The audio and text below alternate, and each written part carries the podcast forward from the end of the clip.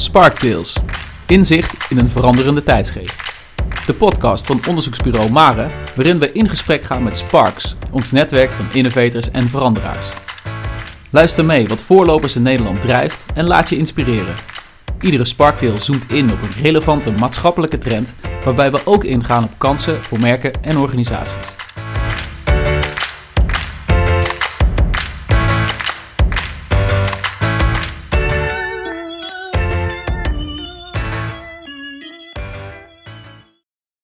Goedemorgen Remco, fijn dat je er bent. Goedemorgen, dankjewel. Welkom uh, bij de podcast van Mare, Sparktales zoals we het noemen. Uh, waarin ik in gesprek ga nou ja, met, onze, met ons netwerk aan externe experts. Um, ik ken je, maar ik weet niet uh, of alle luisteraars je ook kennen, dus ik ben erg benieuwd. kun je wat over jezelf vertellen, wat je doet, waarom je dat doet? Mijn naam is Remco, Remco Bokselaar en ik ben de oprichter van Corporate Queer een platform voor LHBTI professionals. En eigenlijk iedereen met een open mind, zeg ik altijd. Voor een ieder die tegen de normativiteit, en dan specifiek de heteronormativiteit in het bedrijfsleven, aanloopt. En in gezamenlijkheid proberen we die normen te bevragen en uit te dagen op een uh, positieve manier vanuit verbinding. Mooi. En um, is, het, is het een passieproject? Is het zo begonnen? Of hoe, hoe is het tot stand gekomen? Zag je een, een gat in de markt? Of um, liep je vooral zelf ook tegen dingen aan in, in vorig werk? Um, ik heb zelf een aantal jaren gewerkt in de professionele dienstverlening, in consultancy. En ik merkte gewoon dat collega's, nou, althans de kennis van collega's heel erg uiteenliep over het LHBT-alfabet bijvoorbeeld. Um, dus de een kende echt alleen Gerard en Gordon van tv. En de ander die had een broertje die gay is. Of een, tante die trans is. Um, dus daardoor liep dat heel erg uiteen. En van de een ja, werd ik gewoon als een ieder ander behandeld. En een ander kreeg ik dus vragen over of de man of de vrouw was in mijn relatie. Of uh, heel erg verbaasde blikken als ik met nagelak op, de werkvloer verscheen. Dus dat liep heel erg uiteen. Toen dacht ik, dat is wel goed om soort van de basiseducatie uh, rondom queer zijn op te krikken. Mooi. En uh, ik zag ook op de website dat je naast dat je uh, die corporates educate en onderwijst, dat je ook um, ja, een, een, netwerk hebt opgebouwd binnen je platform om um, corporate queers met elkaar te verbinden. Ja. ja, ik vind dat wel heel leuk, want ik heb gewoon zelf gemerkt dat ik ook wel behoefte had om te sparren uh, met anderen, met gelijkgestemden, zo gezegd. Dus we zijn, ik denk, drie jaar geleden nu begonnen, waarbij ik gewoon um, vrienden en kennissen heb uitgenodigd bij de kroeg uh, om de hoek, waar we ervaringen gingen delen. En dat stimuleerde of moedigde elkaar daarmee heel erg aan om opener te zijn en ook gewoon onszelf te zijn en ook ja, onze seksuele geaardheid of onze genderidentiteit uit te dragen en daar bij de lunchtafel gewoon over te vertellen. Om te zorgen dat het normaliseert in die zin. Tof. En, en was er een moment, uh, kan je dat nog herinneren, dat je dacht, dit is het moment dat ik uh, corporate queer ga starten? Was dat één, een, een ervaring of een, of een moment dat je dacht, dit is het, ik, dit is nodig, ik ga het nu starten? Of is dat geleidelijk aan zo gegroeid? Nou, ik denk dat het, um, de geboorte van Corporate Queer eigenlijk ligt bij mijn scriptie. Hm. Um, ik heb uh, bedrijfskunde gestudeerd aan de Universiteit van Amsterdam. En heb toen in mijn masterfase heel veel geworsteld met mijn eigen geaardheid. En ben toen uit de kast gekomen. Um, eerste vriendje. en toen merkte ik dat heel veel mensen in mijn omgeving zeiden dat ze niet verrast waren. Omdat ze vonden dat ik al uh, me anders kleden of anders praten of anders bewoog. Hè, wat is dan anders? Ja, maar, precies. Um, en, en toen dacht ik, oké, okay, als het zichtbaar is, mijn, mijn geaardheid of mijn identiteit, dat het afwijkt van wat we als normaal beschouwen in onze samenleving, dan wil ik ook wel kijken of ik daar vanuit die authenticiteit niet juist ook een voordeel mee kan doen. Mm. En toen ik mijn masterscriptie mocht schrijven, heb ik dus onderzoek gedaan naar LHBTI leiderschap. Wat tof. En wat waren, voor zover je inscriptie in een paar woorden kunt samenvatten, wat, wat zijn de, welke conclusies zijn jou het meeste bijgebleven? Ben je verrast? Ik heb gemerkt dat het heel erg verschilt um, hoe je er zelf in staat. Kijk, je hebt natuurlijk allereerst natuurlijk de nationale cultuur. Wat is er aan wet en regelgeving? Kan je er trouwen? Ben je beschermd? Ook op ehm, eh, organisatieniveau. Wat doet een organisatie om jou een veilig gevoel te geven? Uh, wordt er gewerkt aan inclusiviteit, aan het voorkomen van pestgedrag, um, et cetera, et cetera. Maar als laatste is ook gewoon het individuele aspect van in hoeverre vind jij dat jouw genderidentiteit of jouw seksualiteit een grote, een grote rol speelt in, als onderdeel van jouw identiteit. En dat verschilt heel erg. Dus sommigen speelden daar heel bewust mee, zetten dat echt in. En op wat voor manieren dan bijvoorbeeld? Dat je op zo'n jonge leeftijd worstelt met je identiteit, geeft uh, je ook bepaalde voordelen, omdat je bepaalde kwaliteiten of capaciteiten geeft. In de zin van je ziet dat veel LGBTI'ers sensitief zijn, voelsprieten hebben ontwikkeld, een tact hebben ontwikkeld. En dat zie je dan terug op de werkvloer, dat ze bijvoorbeeld zich makkelijker kunnen verhouden tot andere minderheden, omdat ze weten hoe het is om uh, een minderheidservaring te hebben zelf. Of ze hebben door als iemand iets verbergt, omdat ze zelf lang een dubbel leven hebben geleid. Um, en bijvoorbeeld meerdere homoseksuele mannen gaven wel aan dat ze ook zich makkelijker verhouden tot vrouwen, omdat er sneller vertrouwen was, omdat er geen seksuele spanning is. Um, of omdat ze het leuk vinden om bijvoorbeeld in een vergadering juist bij de vrouwen te gaan staan in plaats van bij de mannen, om daarin een soort brugfunctie uh, te fungeren. Um, en er zijn zelfs, uh, was zelfs iemand bij die zei: Ik ga soms in onderhandelingen bewust ongemak creëren. Want oh. dan kan ik de onderhandeling naar mijn hand zetten.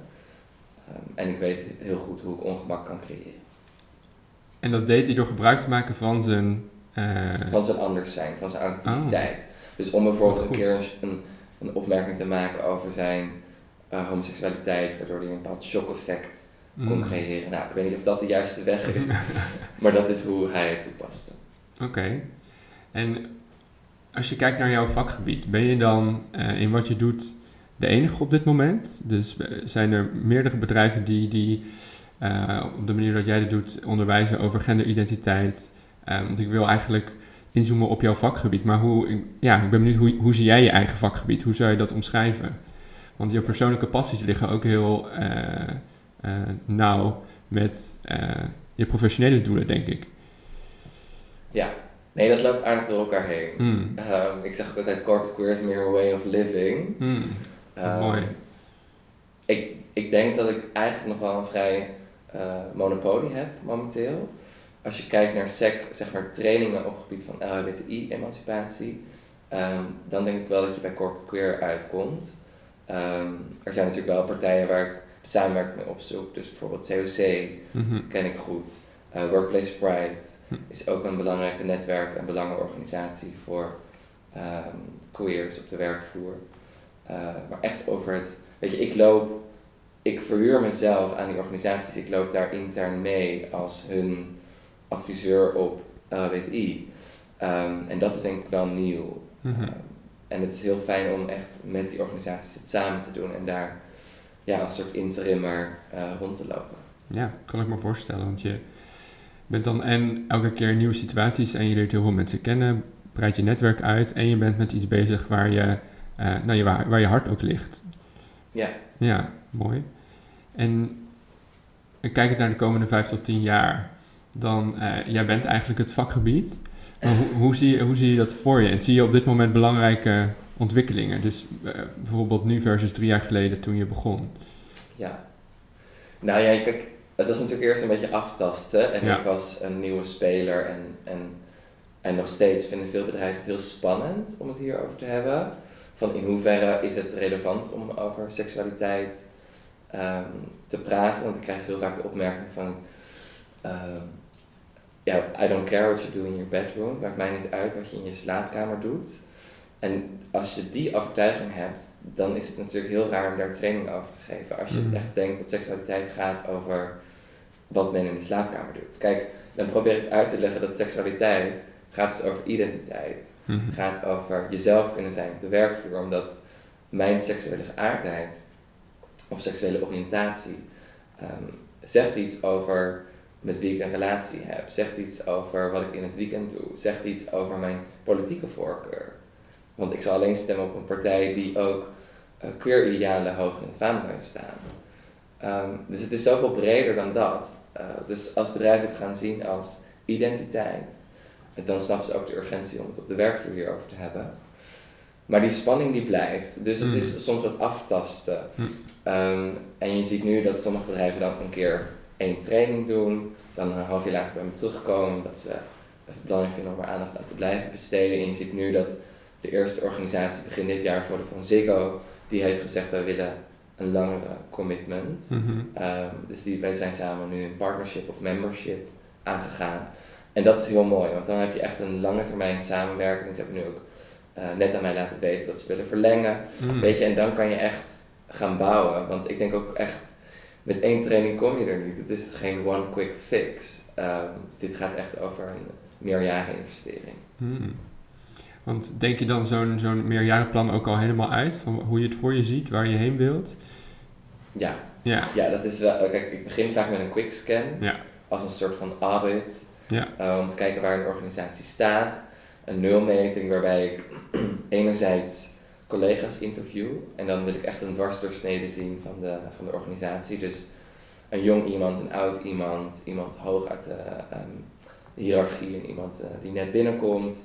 Ehm, het liefst eh, mensen van kleur ertussen, eh, mensen met een handicap, Hm. queer mensen, hetero mensen. Dus echt ehm, alle letters van het alfabet en alle ehm, aspecten van diversiteit wil ik terugzien. En dan het liefst in, in, in een vijftal ehm, eh, collega's die ik daar spreek. Ja. Dat is meer de zachte kant, hoe, eh, hoe ik beoordeel wat de beleving is, wat de perceptie is rond de organisatiecultuur, hoe veilig is die. En anderzijds check ik ook de harde kant. Dus wat heeft de organisatie opgeschreven aan beleid? Dan moet je denken aan, is er een vertrouwenspersoon? Is er een klachtencommissie? Is er een protocol ongewenst gedrag? Heeft de organisatie kernwaarden? Dragen ze die ook goed uit? Ehm, heeft de medewerkers die ik spreek, kunnen die de kernwaarden herhalen? Leeft dat? Ehm, nou ja, en zo geef je dan een, een rapportage terug aan de organisatie. Ja. Ehm, om aan te geven waar we nu staan en waar ik denk dat we in die samenwerking in twee jaar naartoe kunnen groeien. Ja. En sommige bedrijven benaderen mij omdat ze willen meevaren met Pride. En dan zeg ik Mhm. ja, dat kan misschien een einddoel zijn, maar we gaan eerst heel hard werken aan waar we intern Ja. eh, voor gaan staan, voordat we extern gaan roepen. ja, precies. Want dat moet je eigenlijk verdienen, zo'n plek op de Pride Zeker, Boat. Ja. Ja. ja, en het moet ook het moet comfortabel voelen. Ja. Weet je, kijk, het kan voor de afdeling HR heel interessant zijn om je te profileren in recruitment, om mee te varen. Mhm. Maar ik kan natuurlijk heel erg waken voor dat corporate queer een soort pinkwashing wordt. Dus ik probeer heel erg mijn onafhankelijkheid te bevechten en te behouden. Eh, dus ik vind het heel erg belangrijk om ook die kritische blik eh, te houden naar organisaties. Dat ik zeker ook af en toe op social media wel mijn vraagtekens zet bij bepaalde acties. Of ehm, als ik een heel binair eh, formulier moet invullen online, dan laat ik dat wel weten. Ik heb er nu wel van geleerd om organisaties daar vooraf over te informeren. Mm. Dat ze het ook kunnen gebruiken om, eh, dat ze hè, er weet van hebben, daar misschien een positieve draai aan kunnen geven en de tijd hebben om dat intern af te stemmen van, oh oh, we worden ter verantwoording geroepen door corporate queer, maar daar willen we wat leuks aan, aan mee doen. Ehm, maar dat is wel belangrijk. Ehm, want anders wordt het één grote lofzang, mijn social media. Mhm. En dat is het gewoon niet, want we Hm. zijn niet voor niets in het leven geroepen. Nee, precies. Je bent hier eigenlijk voor een kritische blik op nou ja, de corporate wereld, Ja. toch? En, En dat is wel voor mezelf een spanningsveld. Van, ik ben natuurlijk begonnen als activist, inmiddels is het mijn fulltime job. mhm. Dus hoe kan je activistisch blijven, Ja, terwijl de organisaties die je bekritiseert ook jouw bestaansrecht financieren? ja, ja, precies. Het lijkt me een lastige balans af en toe. Maar merk je dan ook dat de bedrijven die eh, soms op bepaalde uitingen, campagnes, producten ehm, aanspreekt, dat die uiteindelijk ook klant worden, dus bij je terechtkomen, zeggen, erkennen dat ze ehm, nou ja, verder moeten kijken, verder dan die binaire structuren waar ze, nou, die zo diep geworteld zitten in de samenleving.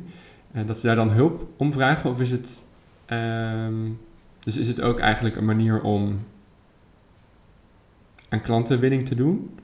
Ja, ik, ik, ik merk wel dat nu zeg maar de zichtbaarheid en de hoe zeg, naamsbekendheid van corporate queer door ook dit soort dingen, zoals een podcast vandaag, Ja. eh, heel erg bijdragen aan nou ja, herkenning. Dus ehm, ik word nu gewoon gebeld soms dat mensen mijn telefoonnummer hebben gevonden op de website omdat ze ja, een vraag hadden en hebben gegoogeld en toen bij een artikel van mij uitkwamen in, ja, ik heb inmiddels wel in, in het AD, in het Parool, in, ik stond eh, voorpagina van de Trouw. Mm. Weet je, dat is super cool trouwens, om Ja. landelijk eh, in nog eh, in deze tijd in de schappen te liggen. Dat, dat mijn moeder zelfs in een, in een Oh. klein dorpje eh, waar ik vandaan kom dat kon kopen, vond ik wel heel cute. Ehm, maar dat helpt heel erg, ja, voor ehm, vindbaarheid. Ja. Ehm, en dat is heel leuk, dan bellen bedrijven je op. En ook al soms is het even vijf minuten meedenken met... We hebben iemand binnengekregen op de klantenservice die non-binair is en zich niet herkent in ons formulier. Eh help, we hebben alleen man en vrouw staan. Wat is dan een goede derde optie om op te nemen? En hoe kan ik het politieke spel intern spelen om de technici te overtuigen om daar een derde hokje bij te plaatsen? Want dat is het ook vaak, hè, van vaak is iemand op HR of eh manager diversiteit zijn echt wel woke. Mhm. En die willen daar eh, heel graag iets mee doen. Ja. Maar je moet natuurlijk ook een organisatie meekrijgen. En soms zijn het vrij grote organisaties, bijvoorbeeld voor de Van Ziggo is met 6000 man. Andere klant van mij, ABN AMRO, is 18.000. Ja, dan heb je dat niet 1, 2, 3 geregeld in je systemen. Ehm, dus dat is een heel veranderend proces. Hm. En je benoemde net ehm, dat het belangrijk is dat het startpunt eigenlijk is in de samenwerking die je aangaat, dat bedrijven zien dat identiteit en seksualiteit dat het eh, heel dicht bij elkaar ligt. Dus dat het veel meer is dan alleen maar nou ja, met wie je het bed deelt. Maar zie je dan ook de afgelopen eh, tijd dat meer en meer bedrijven dat beseffen, dus ook ontvankelijker zijn voor ehm, ehm, aanscherpingen op het gebied van diversiteit en inclusie? Of kan je dat nog niet echt zo hard zeggen? Ik heb het idee dat ik toch wel heel vaak terug moet naar de basis. om uit te leggen dat gender, geslacht en seksualiteit drie verschillende dingen zijn. Dus ik zeg altijd, gender zit tussen je oren, geslacht zit tussen je benen en je hart vertelt je op wie je verliefd wordt. En als je die drie dingen onthoudt, misschien moet ik er een tegeltje van maken, ehm, dan zijn we al een heel stuk verder. Ehm, maar ook in de artikelen die ik schrijf met nou, kranten die ik net heb genoemd, maar ehm, dat, soms is dat wel ook voor de journalisten waarmee ik werk Mhm. ehm, best nieuwe materie. Dus ik, vind, ik ben er heel kritisch op omdat het zo'n gevoelig thema is dat ik altijd vraag om een correctieronde. Ja. Omdat ik altijd wel één fout uit kan halen. Ehm, dus het is ook gewoon ingewikkeld. En dat Mhm. komt ook doordat wij het gewoon op de middelbare school of bij biologie eh, niet hebben gehad. Mhm. Ehm, althans, ik kan het me niet herinneren. En als ik kijk naar de basiseducatie van de gemiddelde collega die ik train, hebben die dat ook niet onthouden. Nee. Dus je- het is gewoon een soort opfriscursus die we doen. ehm, om ja, meer begrip te hebben voor je, voor je medemens. Mhm. En als je kijkt naar eh, ontwikkelingen binnen bedrijven versus ontwikkelingen binnen activisme, wat je net ook benoemde, want daar, dat is eigenlijk ook, dat ben je eigenlijk ook in je, in je core, ja, met je bedrijf ook. Je zet je natuurlijk heel erg in voor eh, minderheidsgroepen. Ehm, zie je binnen die activistische beweging van de afgelopen tijd ehm, ja, nog ontwikkelingen? Want er was natuurlijk een tijd terug de MeToo-beweging. Dit jaar was er ook nog een hele grote eh, Women's March. March. Nou, de protesten van Black Lives Matter. Enorme klimaatprotesten. Ehm, Ja, Ja. nou daar kan ik zeker iets op zeggen. ja, Ehm, ik kreeg namelijk best wel eh, kritiek eh, gezien eh, toen Black Lives Matter kwam en ik heel belangrijk vind om daar ook zeker, ik bedoel ik ben de oprichter van Corporate Queer en ik ben wit, Ehm, maar het betekent niet dat mijn volgers ook allemaal wit zijn en ik denk dat een van de belangrijke stromingen momenteel om te noemen hier is, kijk de, ik zeg altijd the future is intersectional. Dus Mooi. de toekomst is intersectioneel. Wat betekent dat ehm, heel veel mensen discriminatie ervaren op meer dan één grond. Dus je kan vrouw zijn en tegelijkertijd zwart zijn en tegelijkertijd biseksueel zijn en ook nog eens ehm, een fysieke of mentale beperking hebben. Weet je, dan tik je vier boxen aan. Ja. Ehm, dus ik denk dat we moeten begrijpen dat eigenlijk het feit dat ik dan misschien discriminatie ervaar op uh, mijn seksuele voorkeur of uh, op mijn genderexpressie, omdat ik me vaak femininer kleed dan wat we van een man gewend zijn, dat, dan is het mijn wit zijn en het feit dat ik geboren ben in een mannenlichaam nog steeds wel een privilege. Mm Hè? Dus ik denk, en die kritiek die kwam toen in uh, rond Black Lives Matter, omdat ik het heel belangrijk vond om dus met queers van kleur in gesprek te gaan over hoe die dubbele marginalisatieervaring mm. is. Waarbij ook heel veel witte uh, LHBT'ers uh, opstonden die zeiden van, ja Remco, je bent nu een beetje de strijd van de mensen uh, van kleur aan het verwarren met de strijd voor pride. Mm. Nou, en dan denk ik ook dat het daar heel erg misgaat in welke historisch besef LBT'ers hebben. Want als je gaat kijken wie, de voorrechter, of wie de voorvechters zijn geweest voor onze rechten. Hè, als je kijkt naar de Stonewall Riots. Als je nog nooit van de Stonewall Riots hebt gehoord, zou ik zeggen, google het even. Ja. Weet je, in de jaren 60 in New York, dat zijn toch de transvrouwen van kleur. Ja. Die het hardst werden gemarginaliseerd en als eerste op de barricade stonden. Dus ja, ik, ik word dan altijd een beetje emotioneel, maar dan denk ik, ken, ken je geschiedenis en mhm. weet wat je zegt. Want we zijn allemaal met elkaar verbonden en we strijden eh, voor hetzelfde, namelijk voor een samenleving waarin iedereen gelijke kansen krijgt. Ja, Dat, dat verhaal rondom Pride en dat dat gestart is door uh, zwarte transvrouwen, dat is wel een verhaal wat steeds vaker terugkomt nu ook in de media en ook op social media. Tenminste, ik zie dat voorbij komen. En ehm, dat er ook juist wel vanuit de queergemeenschap de afgelopen uh, maanden, maar misschien is dat mijn eigen sociale bubbel, dat ik het wel ook veel zag dat, ze, dat mensen zich juist ook wel uitspraken en uitspreken. Meer dan bijvoorbeeld uh, twee jaar geleden. En ook het begrip intersectionaliteit, dat is ook nog relatief nieuw volgens mij in de, in de mainstream uh, media. Heb je enig idee waar dat vandaan komt? Dat dat dus iets is wat, je kunt het trouwens ook oneens mee zijn, maar iets wat ik signaleer dat dat dus groeiende is. Dat die minderheden elkaar steeds vaker toch weten te vinden? Ja, ik denk dat ik altijd in de adviezen die ik geef en de gesprekken die ik voer, probeer ik altijd te checken ja. Uh, wat, wat de kennis is van de begrippen die ik gebruik. Hmm. Weet je, dus intersectionaliteit vind ik altijd wel, als ik het een keer noem, ja. belangrijk om de checkvraag te stellen bij de ander van weet je waar ik het nu over heb. Hmm. Je kan het heel makkelijk uitleggen over intersecties, kruisverbanden, ja. hè, marginalisatie op meerdere gronden. Nou, dan hebben mensen het over het algemeen wel begrepen.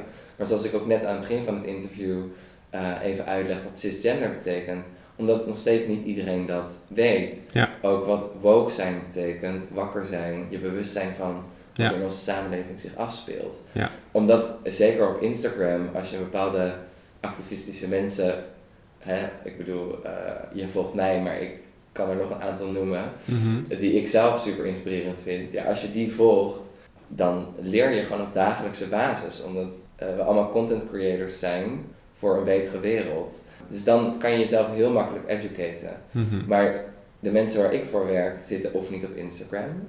En daarom is bijvoorbeeld alle content die ik plaats op Instagram, plaats ik ook door op LinkedIn. Mhm. Wat weer een heel ander kanaal is, wat er eigenlijk niet voor wordt gebruikt. Waardoor ik denk dat zeker op LinkedIn onze following heel snel is gegroeid, omdat er echt wel behoefte aan is om die educatie zo laagdrempelig op je tijdlijn te zien. Mhm. Maar ik denk dat we ons wel heel erg bewust moeten zijn van die bubbel. Mhm. Dus altijd die checkvraag stellen van begrijp je de terminologie die ik hier toepas, ja. is wel heel erg belangrijk. Want anders haken mensen af. En ik zie in de, Nederlandse samenleving toch heel vaak dat niet iedereen, je krijgt toch heel vaak een sociaal gewenst antwoord. Dus mensen praten dan gewoon door en doen alsof ze het weten. Dus ik denk dat je altijd de checkvraag moet stellen en moet nagaan of mensen de terminologie kennen mhm. die, die ik toepas. Mhm. Ehm, want ik, heb, ik zie zelf in de Nederlandse samenleving en met mensen waarmee ik in gesprek ga, dat je toch heel vaak een sociaal wenselijk antwoord krijgt. Dus dat ze gewoon met je meepraten, ja. terwijl ze eigenlijk het begrip niet kennen. En dat is zonde. Ehm, dus ik zou ook mensen willen uitnodigen van wees nieuwsgierig. Ja. Stel ook de vraag uh, als je een begrip niet kent. Ja, dus het is altijd heel belangrijk dat um, mensen de woorden begrijpen die je kent. Omdat ik denk, anders dan ga je ook een ander gesprek voeren, omdat er dan ja, onbegrip is en je eigenlijk een andere taal spreekt. En sommige begrippen zijn natuurlijk ook best wel ingewikkeld. Want toen ik hier voor het eerst bijvoorbeeld op kantoor het had over intersectionaliteit. Je hebt natuurlijk ook nog een andere intersectionaliteit eigenlijk. Het, of, ja, het intersexe geslacht. Daar kan ook nog wel eens verwarring door ontstaan. Dus is, in, is het inderdaad heel belangrijk om dat altijd uit te leggen. Dat het bijna voorgeprogrammeerd is om dat elke keer toch uit te dragen, uit te leggen. Maar ik denk dat dat is wel een heel belangrijk onderscheid inderdaad. Ja, Want dat zijn echt twee verschillende dingen. Hè? Intersectionaliteit nou, hebben we uitgelegd en dat schrijf je overigens met een C. ja, Ja, het gaat over intersecties. ja, Intersexe eh, komt letterlijk van, van sekse, van, Ja. met S-E-K-S-E, van Ja. geslacht. Ja. Hè, dus als je intersexe bent, of eh, eigenlijk hoor je te zeggen geboren bent met een intersexe conditie, mhm, ja, dat wil zeggen dat je geslachtskenmerken hebt die we niet als 100% mannelijk of 100% vrouwelijk ervaren in onze maatschappij.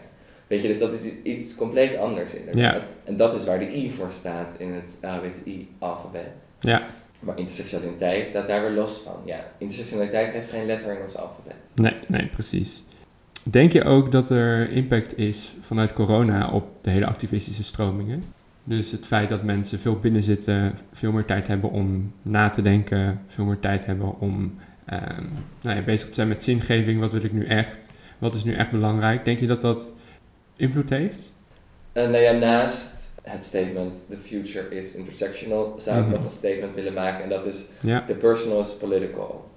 Dus je ziet Mm. Heel erg dat mensen hun persoonlijke ervaringen gebruiken ehm, voor politieke drijfveren.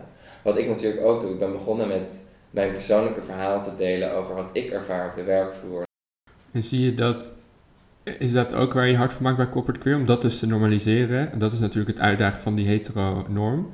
Ehm, maar ik, ik vraag me wel af hoe je bij, je noemde net een bedrijf als Vodafone Ziggo, Ehm, is dat dan bijvoorbeeld ook een speerpunt, dat dat eh, uitgedaagd wordt om het te normaliseren, om, ehm, ja, om mensen expressiever te laten zijn met hoe ze zich voelen, hoe ze zich zouden willen kleden? Nou, wat ik bijvoorbeeld heel mooi vind, is dat eh, de manager diversiteit, eh, Pim Brouwers, die heeft zelf ook zich in drag laten zetten. Oh, Door een van de queens van Drag Race Holland. oké. Ehm, en dat is natuurlijk een enorm statement.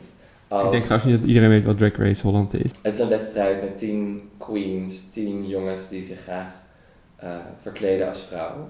Hè, want ik denk dat dat ook een heel belangrijk onderscheid is als je het hebt over drag Mhm. queens. Ehm, een misconceptie daarin is dat die graag vrouwen willen zijn. Nou, er is het leven veel veel plezier aan eh, het verkleden als vrouw. Dus ik denk dat als zo'n eh, manager diversiteit van Vodafone Ziggo, waar ik het net over had, Mhm. ehm, zich dan eh, volledig ehm, als drag queen laat opmaken Ja. en daar een video over naar buiten brengt, Mhm. zegt wel iets over wat er mogelijk is en wat, ehm, wat allemaal veilig zou kunnen zijn. Want daar gaat het over psychologische veiligheid om jezelf te kunnen zijn. Ja. En ik denk, ik denk dat zo'n video, zo'n statement van, van zo'n manager diversiteit, maar ook, weet je, ik heb zelf op Coming Out Day de CEO van Vodafone Ziggo mogen interviewen. Ehm, waarbij ik hem alle opmerkelijke vragen die ik ooit kreeg, hè, dus ben je een mannelijke vrouw in je relatie, Eh, Mhm. wat ehm, zeiden je ouders, Eh, wanneer wist je het? Mhm. Nou, daar, daar heeft hij allemaal eh, op gereageerd, dus men dacht waarschijnlijk als je die video ziet, ehm, dat hij uit de kast zou komen. Op het moment dat ik zeg van, goh, wat grappig, ik zie helemaal niet aan jou dat je hetero bent. Ja. Als een soort van mindfuck, waarna hij een heel mooi betoog houdt naar zijn medewerkers van ik wil dat iedereen zich eh, vrij voelt om over zijn, haar of hun partner te praten. Ja. Ehm, en, en dat dat ook kan als het iemand is van hetzelfde geslacht. Ja. Mhm. Dus dat is ook wel mijn uitvraag die ik steeds doe met Corporate Queer, is om echt eh, en bruggenbouwers te mobiliseren. Hè? Dus zo'n ci- witte cis-hetero man die zijn positie, die zijn privileges gebruikt om te gaan staan voor een ander. Mhm. Maar ook eh, daadwerkelijk mensen van de community, dus LHBT'ers in het bedrijfsleven die een hoge positie in de hiërarchie hebben, een podium te geven. Ja. Ja. Weet je, rolmodellen zijn zo belangrijk voor de representatie, voor een stukje herkenning als je als junior van kleur start in een bedrijf waarbij eh, je alleen maar witte, eh hetero mannen in de, in de board ziet. Ja, mooi. Ik wil het ook nog even hebben over je campagne die je als laatste hebt gelanceerd, volgens mij. Be Professional, Be You. Klopt. Die ik zelf eh, heel erg mooi vond, omdat je je eigenlijk ook kwetsbaar opstelt. Want jij staat daar model in. Kun je daar iets meer over vertellen? Je wil natuurlijk ook ehm, als platform zijn om Corporate Queer ook echt als kennisplatform of kennisinstituut neer te zetten, wil je ook met eigen producten of eigen initiatieven komen. Dus vorig jaar had ik de eerste campagne eh, bedacht, waarbij we 25 woorden rondom seksualiteit en gender de wereld in hebben geholpen met een postercampagne. Dus dat was een groot succes. Dus ik, ik zat heel erg na te denken, wat ga ik dit jaar doen om dat te overtreffen? En toen dacht ik, nou laten we één krachtig beeld. Laten we dan gewoon in mijn eigen gezicht inderdaad uh, femininiteit en masculiniteit laten zien. Uh, om ook te onderzoeken of beide zijden er mogen zijn. Um, en naast elkaar kunnen bestaan. mogen bestaan. Ja. ja. Um, en toen heb ik uh, Envy Puru, een, uh, een andere drag queen, die gevraagd om de helft van mijn gezicht uh, op te maken. Mm -hmm. En ik, ja, ik hoop gewoon heel erg dat dat beeld um, mensen aan het denken zet. Dus ik hoop heel erg dat de mensen ja, naar zichzelf naar binnen kijken van wat leidt mij af en wat zie ik als professionaliteit. Want dat is dus ook de tagline of de, de titel van de campagne, Be Professional, Be You. Omdat professionaliteit is ook zo'n omlijnd uh, begrip of term als je kijkt naar gedrag en kledingvoorschriften. Mm -hmm. uh, dat je heel veel organisaties nu hoort strooien met ja, we willen dat iedereen zichzelf kan zijn, mm. de authenticiteit. Mm -hmm. Maar ik probeer uit te leggen dat dat soms wel in strijd is met wat wij in Nederland verstaan als professioneel. Mm. Een van de dingen die ik ook signaleer is dat ik steeds meer ook op LinkedIn juist zie dat mensen inderdaad hun voornaamwoorden toevoegen aan hun naam. Ik vind dat een heel mooi initiatief. Um, kun jij aangeven waarom jij dat belangrijk vindt en waarom het ook belangrijk is voor uh, cisgender personen om dat te doen? Nou, ik denk dat je je moet realiseren dat wij gewoon heel vaak de aanname doen over iemands gender. En dat het heel erg in onze taal zit. Hm. Uh, dus hoe kan je daar nou slim mee omgaan? Dus nou, ik denk wel dat het heel erg helpt als iedereen zich bewust is van, het, ook al heet je Elise, mm -hmm. ben je geboren als vrouw mm -hmm. en heb je altijd vrouw gevoeld, ja, dan helpt het nog wel om dat ook even erbij te zetten, dat je dus de voornaamwoorden zij, haar gebruikt. Ja. Um, want er zijn ook... Uh, ook om het te normaliseren voor anderen. Nou ja, ik ken uh, bijvoorbeeld een Lisa, die gebruikt voornaamwoorden uh, die en diens. Hmm. Uh, en ik ben heel blij met bijvoorbeeld zo'n rolmodel ook weer in Spangas, uh, ja. een jeugdserie, ja. Um, waarin nu een nominaire Leslie zit. Overigens ook gespeeld door Roos, die zelf nominair is. Weet je, dat is natuurlijk ook heel erg belangrijk in de representatie, dat iemand die een bepaalde rol speelt, hmm. um, dat, dat, dat zie je natuurlijk in Hollywoodfilms heel veel dat een transpersonage wordt gespeeld door een cis persoon. En dat vind ik wel heel schadelijk. Dus daarom, weet je, als je een serie wil kijken over transpersonen, over ook een heel stuk queer history, mhm. zou ik zeggen, kijk vooral naar de serie Pose, waar dus ook zo'n groot deel van de cast ook in het echte leven trans is. Ehm, en dat is gewoon heel erg belangrijk, van waarom zou je cis-personen, waar al zoveel rollen voor zijn, ook dan nog eens de rollen um, van transpersonages laten spelen, laat die nou alsjeblieft door de eigen community ja. um, laten uitvoeren. Ja, mooi. Dus ja, om terug te komen op die voornaamwoorden, weet je, weet van jezelf hoe word je het liefst aangesproken. Is dat met hij, hem? Um, zie je jezelf als man? Nou, zet er dan bij hij, hem. Is dat als vrouw en zij, haar? Zet dat erbij. Um, word je liever neutraal aangesproken? Dat kan met die dienst in het Nederlands of met hen, hun.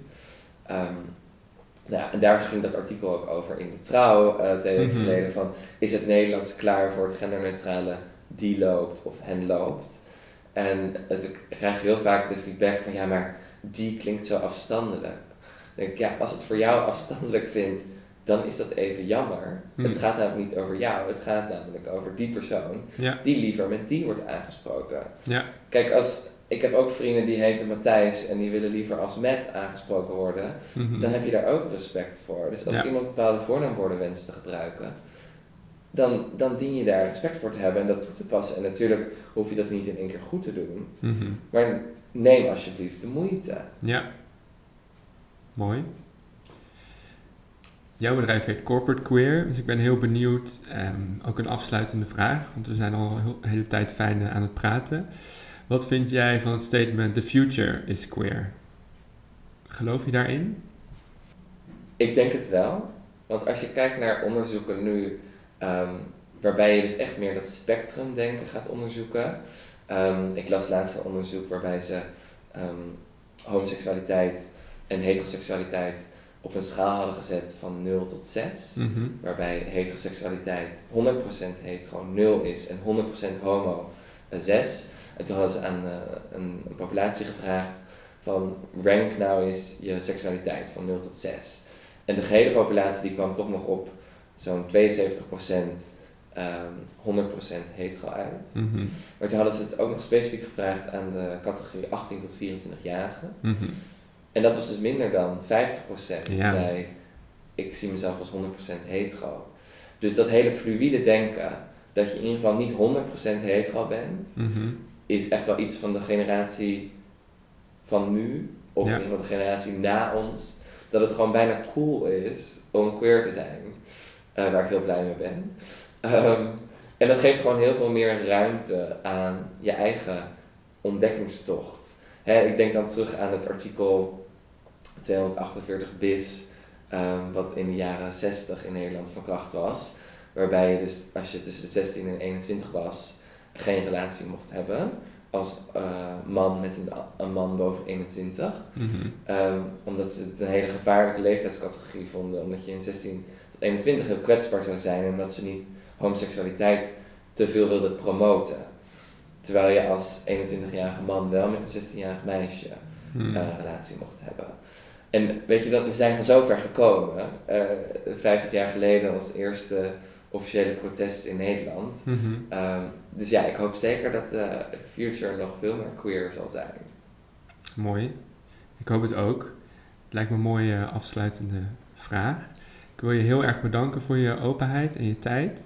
Ik denk dat heel veel van onze klanten hier iets aan gaan hebben, dat ze er dingen van gaan leren. Ehm, zijn er nog dingen die jij wilt zeggen om het af te sluiten? Nee, ja, dank voor, de, voor dit leuke gesprek. En ik zou zeggen, mochten mensen eh, meer op de hoogte willen blijven van content rondom seksualiteit en gender en waarom het relevant is op de werkvloer, ehm, ja, blijf ons vooral volgen op social media. Je kan Corporate Queer vinden op Instagram, Facebook en LinkedIn. Ehm, en dan blijf je goed op de hoogte. En hopelijk kan ik je dan op dagelijkse basis eh, inspireren en triggeren. Ja, dit gesprek loopt nu af, maar laten we het gesprek blijven voeren met elkaar. Ja, Lijkt me precies. belangrijk. Oké, dankjewel. Dankjewel.